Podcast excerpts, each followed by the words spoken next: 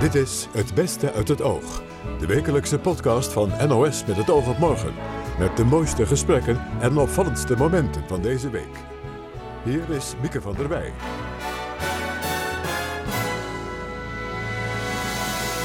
Die u hartelijk welkom heet. Leuk dat u luistert naar Het Beste uit het Oog.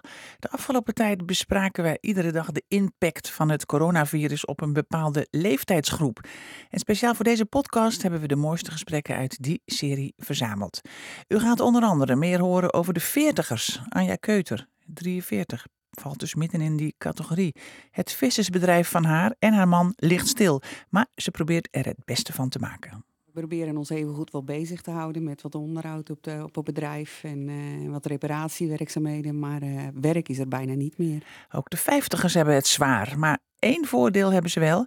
Hun hersenen werken net iets anders, vertelde neuropsycholoog Margriet Sitskoorn. Je neemt eigenlijk dingen wat positiever waren. Je richt je meer op het positieve en je leert dat eigenlijk wat hard binnenkomt misschien wel meevalt. De laatste tijd was er veel kritiek op de corona-apps die het kabinet introduceerde vanwege de privacy. Maar 70er Frits Spangenberg heeft een andere kijk. Ik ben persoonlijk bereid mijn privacy voor een jaar aan de overheid te geven om die app te laten werken. Maar we beginnen deze podcast met de leeftijdscategorie 10 tot 20. Kate Oldebeuving van 15 is Europees kampioen skateboarden, stond op het punt zich te kwalificeren voor de Olympische Spelen. Maar ja, u voelt hem al aankomen, door het virus zag haar leven er ineens heel anders uit. En dat geldt ook voor haar leeftijdsgenoten. Hersenonderzoeker Sabine Peters van de Universiteit Leiden doet onderzoek naar het effect van het virus op jongeren. Want daar is nog weinig over bekend, vertelde ze. Behalve dat we nu weten dat er zo'n 7 op de 10 jongeren ontzettend bezorgd zijn hierover. Wat uh, angsten en mogelijk in de toekomst um, emotionele problemen kan veroorzaken. Maar het heeft ook een goede kant, namelijk uh, dat jongeren de crisis serieus nemen en zich uh, zoveel mogelijk houden aan de maatregelen. Um, en uit Amerika weten we dat uh, jongeren ook vooral gefrustreerd zijn. Um, en zich ook veel zorgen maken en angstig zijn. Ja, zorgen maken en angstig zijn, dat hoor je toch niet vaak. Het beeld is nu op dit moment toch wel het beeld van de puber die zich nergens wat van aantrekt. We hoorden natuurlijk Fred Grapper, Grapperhaus die slimmer chillen. Hè, een shout-out aan de jeugd omdat ze heel laks zijn. Maar er is toch ook nog een andere kant. Ja, klopt. Jongeren zijn inderdaad heel veel negatief in het nieuws geweest, vooral. En dat is uh, op zich niks nieuws, want er wordt altijd wel uh, over de jeugd van tegenwoordig uh, geklaagd. Dat is van alle um, tijd. Precies. En nu ook in de coronacrisis zie je dat weer gebeuren. En ik vind het wel belangrijk om te benadrukken dat je over het algemeen ziet dat er altijd zo'n 10% van de jongeren is die um, zich niet houdt aan de regels van de maatschappij.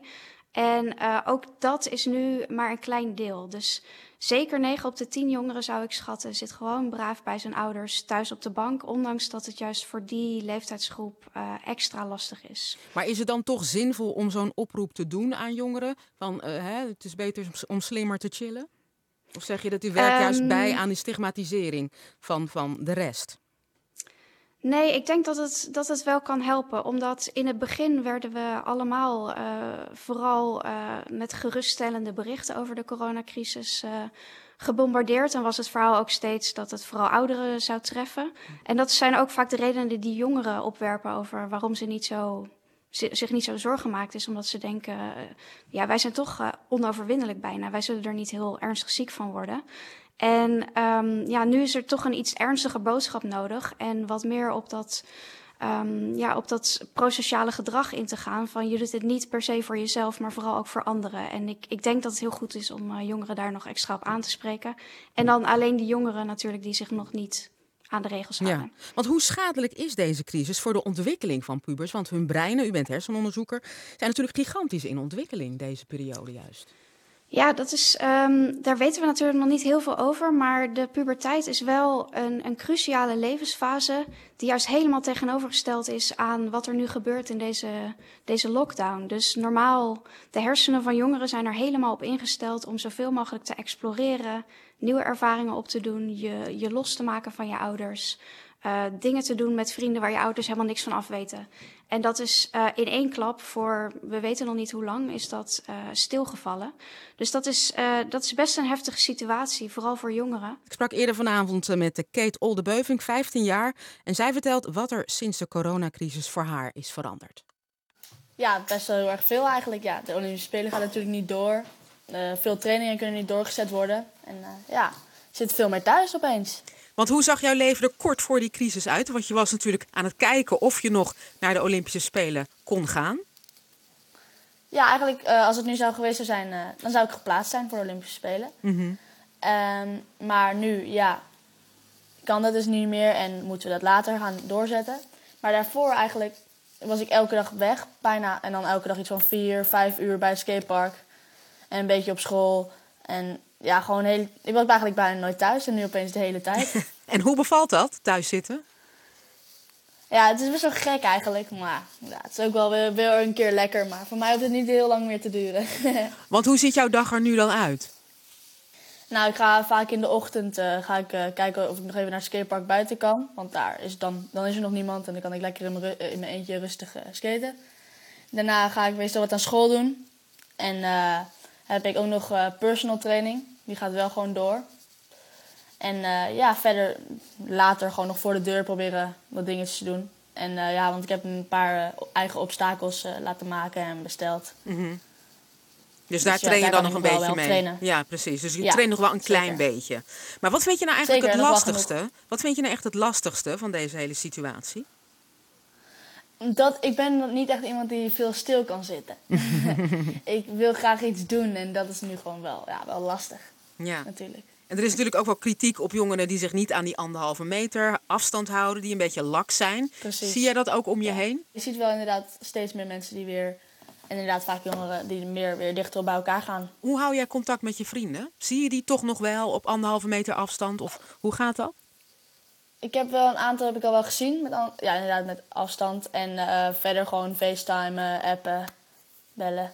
Hoe lang ga jij dit nog trekken, denk je? Oeh, moeilijk. Ja, ik begin er nu wel best wel zat te worden. nou, zeggen twee maanden, drie maanden, een week. Heb je enig idee? Ja, niet heel lang meer. Uh, nee, nu is het nog wel oké. Okay. En ja, gelukkig kunnen we nog naar buiten een beetje. Ja. Dus, dus ja, dus niet alleen maar binnen. Dat zou ik echt niet trekken. Dat zou ik echt niet eens drie dagen, denk ik, vol kunnen houden. Want ben je eigenlijk een moeilijke puber? Volgens mij niet. ik hoop het niet. Want heb je vaak ruzie met je ouders? Of heb je echt van dat klassieke pubergedrag? Vertoon je dat wel eens? Nee, nee. Ik heb eigenlijk nooit echt ruzie met mijn ouders. En nu ook niet? Nu je toch vaker uh, met hen in dezelfde ruimte moet zitten? Nee, eigenlijk niet. Ja, we proberen ook gewoon elkaar gewoon rust te pakken. Weet je, dat niet de hele tijd alleen maar op elkaars lip zitten. En ben je nu alweer aan het denken over volgend jaar, de Olympische Spelen dan? Wel, ja. Ik ben natuurlijk nu gewoon nog steeds aan het trainen. Ik probeer zoveel mogelijk nieuwe dingen te doen. En kijken wat ik dan inderdaad naar de volgende Olympische Spelen kan brengen. Want ja, je hebt natuurlijk meer tijd om te trainen. Je kan veel beter worden nu. En uh, ja, proberen zo goed mogelijk te worden. Maandag zoomden we in op de veertigers. Normaal gesproken de stabiele harde kern van de economie. Ook deze groep blijft door de coronacrisis niet onberoerd. Vertelde hoogleraar arbeidsmarkt Ton Wildhagen. En dat geldt ook voor de 43-jarige Anja Keuter. Samen met haar man heeft ze een vissersbedrijf. Maar door de crisis ligt dat stil. We proberen ons even goed wel bezig te houden met wat onderhoud op, de, op het bedrijf en uh, wat reparatiewerkzaamheden. Maar uh, werk is er bijna niet meer. Ja, want wat, wat, is, uh, wat, wat is uw bedrijf precies? Wat, wat zijn uw bezigheden? Een vissersbedrijf, maar dat is ja. vrij breed. Nou, wij hebben twee schepen en een visgroothandel. -huh. En alle drie liggen stil. Zowel de schepen als de groothandel. Want de vis die wij vangen is eigenlijk 90% voor de horeca. En aangezien dat weggevallen is, uh, heeft het geen nut om daarvoor te gaan vissen en heeft de visgroothandel dus ook geen werk. Nee, want ik, maar ik begreep dat een deel, want u, u vangt vooral ook krap, hè? Ik ja. begreep dat een deel daarvan naar China gaat. China gaat ja. langzamerhand weer open. Biedt u dat dan ook perspectief? Nou, dat hadden we gehoopt, maar uh, China die krijgt alleen de, de topkwaliteit krab hmm. en alleen een bepaalde soort. En van een vangst van bijvoorbeeld 20.000 kilo in de week is misschien 4000 of 2, 2 3, 4000 kilo geschikt voor China. Ja. En die andere 16.000 kilo kun je normaal in Europa kwijt. En dat kan nu niet. Dus het heeft geen enkel nut om voor 4.000 kilo naar zee te gaan en die andere 16.000 kilo weer overboord te gooien. Nee. Dat kost veel te veel geld. Dat begrijp ik, ja. Over geld gesproken, er zijn natuurlijk allemaal steunmaatregelen inmiddels uh, getroffen. Hebt, hebt, u daarvan uh, kunnen profiteren? Nou ja, profiteren is niet het goede woord. Bent u daarmee geholpen? Nou, de 4000 euro die heb ik aangevraagd, die mhm. tegemoetkoming. daar hebben we recht op met, het, met de visgroothandel. Met de kotters zitten we nog te wachten op de maatregelen uit Brussel, dat die uitgewerkt zijn, zeg maar. Wat, hoe dat in zijn werk gaat. Er is al wel een beslissing genomen, maar nog niet uitgewerkt hoe en wat. Dus dat is nog even afwachten. Maar kredieten bij de bank, ja, het is mooi verzonnen, maar het is jezelf vooral veel dieper in de schulden steken. Ja, want die banken die zijn niet coulant op het ogenblik? Nou, je moet best wel veel cijfers aanleveren. Je moet uh, prognose geven voor 2020. Nou ja, ik kan die prognose niet geven. Ik weet niet wie dat nu wel kan, maar ik niet. Want mijn prognose in januari was een topjaar draaien. En uh, nu is het zien hoe we het, hoe we het gaan doen.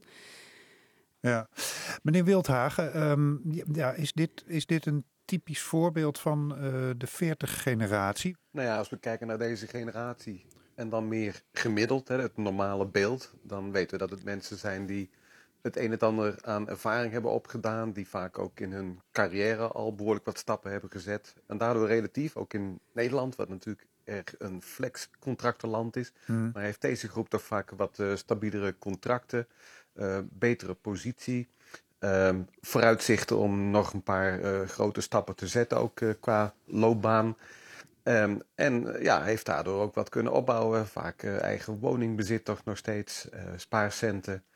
Kinderen die natuurlijk nog wel op school zitten en ook nog een weg moeten vinden. Maar het is wel de, ja, de generatie zeg maar, die het sterkst is op de arbeidsmarkt. Hè, die ook productief zijn. Dus ook heel belangrijk voor economie en arbeidsmarkt. Maar ja, alles hangt natuurlijk af van gezondheid, van opleiding. En op dit moment ook van de sector waar je in zit. Hè. Dus dat kan het hmm. beeld natuurlijk weer vertroebelen door, door deze toch ongekende crisis die we nu beleven. Ja, want, want op zich zegt u, is dit, is dit eigenlijk misschien wel het sterkste deel van, van de arbeidsmarkt. En dus ook met de meeste overlevingskans. Ja, dat is zo. Want als we dus uh, naar boven gaan richting uh, uh, zo 55 plus, die mensen die hebben ook eigen woningbezit, goed pensioen, het een en ander gespaard. Um, maar het risico van die groep is als men toch uit de arbeidsmarkt valt, dat hebben we bij de vorige grote recessie ook gezien, dan is het heel moeilijk terugkomen. Omdat dan toch vooroordelen gaan spelen van, ja, je bent eigenlijk al oud en als je ziek wordt moeten we je doorbetalen twee jaar tijdens ziekte dus die groep daarboven die heeft wel wat vergelijkbare kenmerken, maar hmm. Heeft niet het uh, vooruitzicht om uh, ja, op die arbeidsmarkt te floreren als het nee. even tegen zit. Dus dit is eigenlijk wel, ja, toch wel de, de motor van het menselijk kapitaal op de arbeidsmarkt. Zou ja, wel wat vet op de botten, maar, maar natuurlijk ook kosten. Want het zijn ook kinderen die langzamerhand het huis uitgaan, die, ja. die dure opleidingen, misschien geholpen moeten worden met, met, met wonen en dergelijke. Ik bedoel, dat, dat lijkt me geen voordeel. Nee, dat is geen voordeel. En dat heeft zeker ook te maken met uh, ja, toch dat, uh, die grote sociologische verandering. Dat uh, de millennials, de kinderen zeg maar ook van, van deze groep, die, ja, die hebben niet zo'n vanzelfsprekende toekomst meer. Nee. In de zin dat ze het beter hebben dan de generatie van ouders. Dus dat betekent dat je inderdaad ook rekening moet houden met dat kinderen weer terug naar huis komen wonen in Hotel Mama. Dat het misschien nodig is om te sponsoren wat betreft de opleiding, ja. nog een keer een studie kiezen. Um, een huis kopen, zelfs huren. Hè. Dus deze veertigers moeten wel wat achter de hand hebben om eigenlijk ook uh, hun kinderen te, te kunnen ja. steunen. Wat in het verleden eigenlijk nooit zo aan de hand was. Ja, want hoe is dat voor u, uh, mevrouw Keuter? U, u, hebt drie kinderen en u zei ja. al van ja, we hebben wel wat vet op de botten, want het blijft allemaal binnen de familie. Maar ja, wat, wat betekent dit voor uw kinderen bijvoorbeeld? Nou, de oudste twee die uh, worden 17, die waren net begonnen met rijles. En uh, net een week voordat de rijscholen dichtgingen, had ik de rekeningen betaald voor ze. De rijlescursus. Mm. ja. dus uh, dan, ja, dat zijn toch wel flinke uitgaven even die, die je voor ze doet natuurlijk. Ja. Maar, en ze waren net hun stageperiode begonnen en dat mocht, de eerste stage mocht bij ons in het bedrijf. Mm -hmm. nou, nou is het redelijk rustig natuurlijk, maar ja, we zorgen even goed wel dat we ze aan de gang houden. Mm. Ja, maar uh, zijn ze ook van plan om, om in het bedrijf uh, door te gaan straks? Ja. En, ja. en uh, daar hebt u nog wel vertrouwen in? Ja, dat is ook waarom wij juist een, ja, een stapje erbij zijn gaan doen de laatste paar jaar. Om voor hun, eh, die visgroothandel erbij, om voor hun Hm. eh, stevige toekomst neer te zetten. Van de veertigers naar de vijftigers. Een generatie met een brein dat al veel heeft meegemaakt. Volgens hoogleraar neuropsychologie Margriet Sitskoorn, zelf ook vijftiger, komt dat in deze crisis erg van pas. De hersenen van vijftigers werken net iets anders dan die van jongere mensen, vertelde ze aan Wilfried de Jong. Wat bijzonder is aan die hersenen van die 50-plusser, want eh, heel vaak gaat het erover als je ouder wordt, hebben we het eigenlijk alleen maar over de nadelen van ouder wordende hersenen. Maar er zijn heel veel voordelen aan ouder wordende hersenen. En zo boven je 50ste verandert er van alles in de manier waarop je negatieve informatie, negatieve gebeurtenissen waarneemt. Je neemt eigenlijk dingen wat positiever waar. Je richt je meer op het positieve en je leert dat eigenlijk wat hard binnenkomt misschien wel meevalt. Dus uh, dat is wat, wat heel erg positief is aan dat brein van die 50-plusser en wat nu heel goed van pas komt. Ja, maar uh, wacht even, een, een, een vijftiger die, die hoort het verhaal van, de corona, van het coronavirus, is, is mondiaal. Aantal doden stijgt overal. Hoe haalt hij daar iets positiefs uit? Nou, hij haalt er bijvoorbeeld iets positiefs uit door te bedenken: Nou, ik zit nu uh, meer thuis bij mijn gezin. Ik was altijd heel hard aan het werk en dat ben ik nog steeds wel, maar toch meer met mijn gezin thuis al positief. Uh, nou, daar, daar ga ik even interrumperen. Ik ja. ook veel vijftigers die zeggen: Ik ben blij als ik er even uit kan. Word ik knettergek ja, dat, van. Ja, dat ook. Dat ook. En dan als je er dan even uit kan, hè, je loopt even naar buiten of je stapt op je racefiets, uh, dan reflecteer je een beetje. Dan denk je van oké, uh, dit gebeurt nou. Nou, heb ik dit allemaal in mijn leven gedaan. Het is misschien toch goed om eens na te denken wat echt belangrijk is en wat ik echt wil. En wat zie je met het ouder worden? Dat ook dat uh, zelfreflectievermogen, als het goed is, als je er wat in geïnvesteerd hebt, dat het ook toeneemt. En dat zet je nou in. Ja, en betekent dat ook, als het om zelfreflectie gaat, dat je ook uh, misschien iets meer met. Ja, ik, ik, zit een beetje met de dood in deze uitzending. Neem me niet kwalijk, we hebben het met ja, de huisarts net over. Ja, ja. Maar dat de dood ook wat meer in zicht komt voor de vijftiger en dat hij daar iets meer op herkoudt dan normaal? Nou ja, dat weet ik niet. Ik ken daar geen onderzoek over, dus dat weet ik niet. Kijk, het is natuurlijk als je ouder bent en zeker als, een, als er een virus is wat met name ouderen treft, hè, maar dat uh, zijn over het algemeen toch nog wel wat veel meer ouderen dan de vijftiger, uh, dan kan ik me voorstellen dat je daarover nadenkt. Maar ik ken daar geen onderzoek verder over. Nee, oké. Okay. Nu ga ik even de duimschroeven aandraaien. U bent zelf ja. 53 jaar, dan weten we ja. dat maar meteen. Dus u ja. bent een vijftiger. Bent u bang voor het virus om het op te lopen bijvoorbeeld? Ik ben niet bang voor het virus om het op te lopen. Ik ben er in die zin zelf niet uh, uur uh, na uur mee bezig. Uh, ik ben wel heel erg bewust van dat we bepaalde dingen moeten doen. Dus ik was heel veel mijn handen. Ik blijf zoveel mogelijk thuis. Ik uh, nodig geen vrienden meer thuis uit enzovoort. Dus ik vind met de maatregelen die getroffen zijn, die leef ik na om het risico zoveel mogelijk te beperken. Ja, maar dat zijn de dingen die we allemaal moeten doen. Die zijn niet per se leuk of fijn om te doen. Maar u zei dat, dat de 50 ook positief kan denken. Hoe, hoe denkt u dan positief over deze tijd? Ja, wat ik positief vind is onder andere dat ik had nooit tijd om te bakken en te koken. Dat ben ik gaan doen. Ik ben letterlijk op die fiets gestapt waar we het net over hadden. Dat deed ik uh, ook nooit. Ik uh, werk in Tilburg en ik uh, ja, woon daar een poosje vanaf. En ik ben gewoon aan het trainen om na corona op de fiets naar mijn werk te kunnen. Nou, dat vind ik zelf, word ik er erg blij van. Ja, maar is toch, dit is toch allemaal bijzaak? Een, beetje koken en een beetje fietsen. U bent neuropsycholoog. U wilt uw vak uitoefenen. Dit ja, is allemaal, dit is behelpen. Hele... Wat u doet ja, is behelpen. ja, nou, dan vergeet ik misschien het belangrijkste deel. Uh, mijn werk gaat gewoon door. Dus ik werk gewoon door. Ah, dat is fijn. Uh, ja. ja. dus dat is wel heel fijn. Heel veel van mijn werk hè, kan vanuit huis. Uh, kennis opzoeken, artikelen schrijven. heel veel werk kan ook niet. Heel veel van mijn onderzoek ligt stil, overigens. Hè. Wij hebben veel onderzoeken lopen. Bijvoorbeeld met patiënten met hersentumoren in de ziekenhuizen. Nou, dat is heel negatief dat dat niet doorgaat. Daar voel ik mij ook vervelend bij, om het zo te zeggen. Ik voel me verantwoordelijk voor die patiënten. Ik voel me verantwoordelijk voor uh, waar we mee bezig zijn. Om uh, bijvoorbeeld het vergelijken uh, van de effecten van verschillende behandelingen op cognitie. Nou, dat kan voorlopig allemaal niet doorgaan. Nee. Maar dat wordt vervangen voor andere gedachten, andere artikelen en ander onderzoek. U hoort het. Ouder worden heeft ook zo zijn voordelen. We maken een sprongetje naar de 70ers. Mensen die met pensioen zijn en nog volop iets van het leven willen maken. Maar dat is lastig als je eigenlijk alleen nog maar binnen kunt zitten.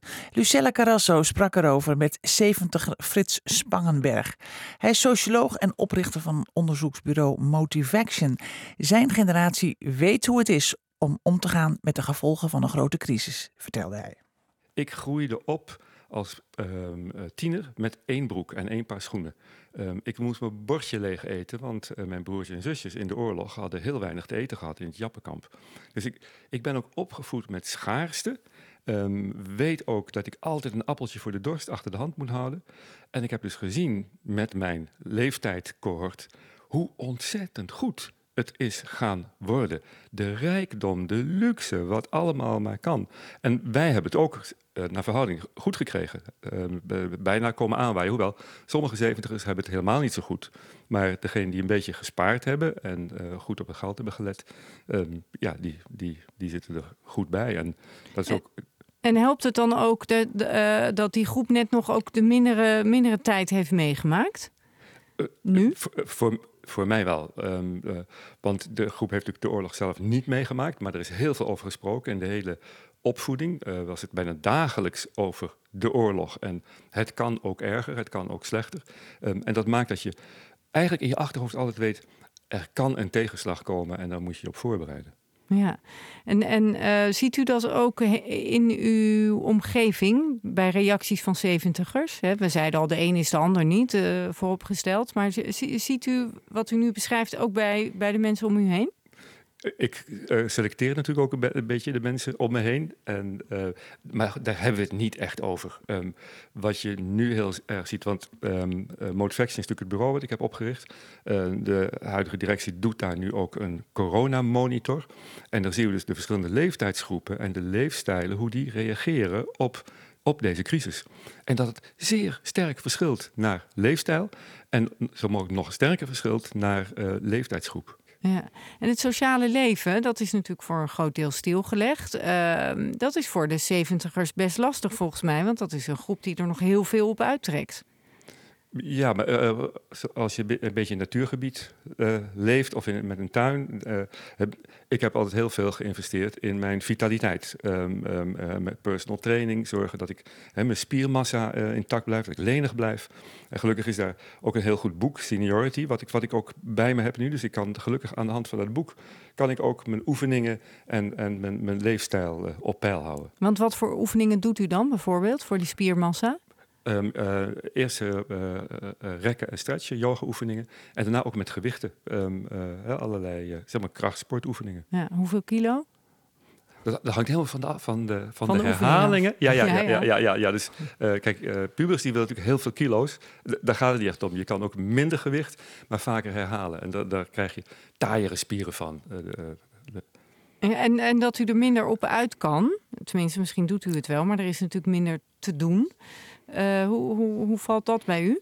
Ik vind het vreselijk. Uh, ik ben een groot cultuurliefhebber. Uh, ga heel graag naar opera, concerten. En uh, ja, kijk, je kan je behelpen natuurlijk met ingeblikt, maar um, ja, ik, ik verheug me dat dat weer terugkomt. En natuurlijk gaat dat terugkomen in in welke vorm dan ook. En, en, waar bent u het meest bezorgd over in deze situatie? Nou, dat is toch ook een beetje professioneel. Mijn grootste zorg is dat de crisis en de maatregelen die nu genomen worden erger uitpakken dan de crisis zelf. Dat zie je dus heel vaak wanneer er een ramp gebeurt en er komt er een pakket van maatregelen en zijn de maatregelen zijn erger dan de gebeurtenis zelf. Ik zat te denken voor dit gesprek, zeg, wat, wat kan ik doen? En laat ik het heel radicaal zeggen. Ik geloof in de nieuwe techniek van het testen en van die traceringsapp. Ik ben persoonlijk bereid mijn privacy voor een jaar aan de overheid te geven om die app te laten werken, zodat um, tenminste daarmee gewerkt kan worden en gespot kan worden wanneer er nieuwe besmettingen opdoen. Um, ik geloof dat heel weinig mensen echt privacy hebben, dus we, zitten daar natuurlijk erg, we zijn er heel bezorgd over, we zitten er erg over te kibbelen. Maar um, ik zou graag de mijne willen inleveren, zodat voor de jongeren het sociaal-maatschappelijk leven weer uh, ja. voortgang kan vinden. Ja, zeker. Ja. Ter, hand kan worden genomen. Nou, lijkt mij voldoende om, uh, om over na te denken. Ja, dit was het alweer. Dankjewel voor het luisteren en graag tot volgende week. Dag.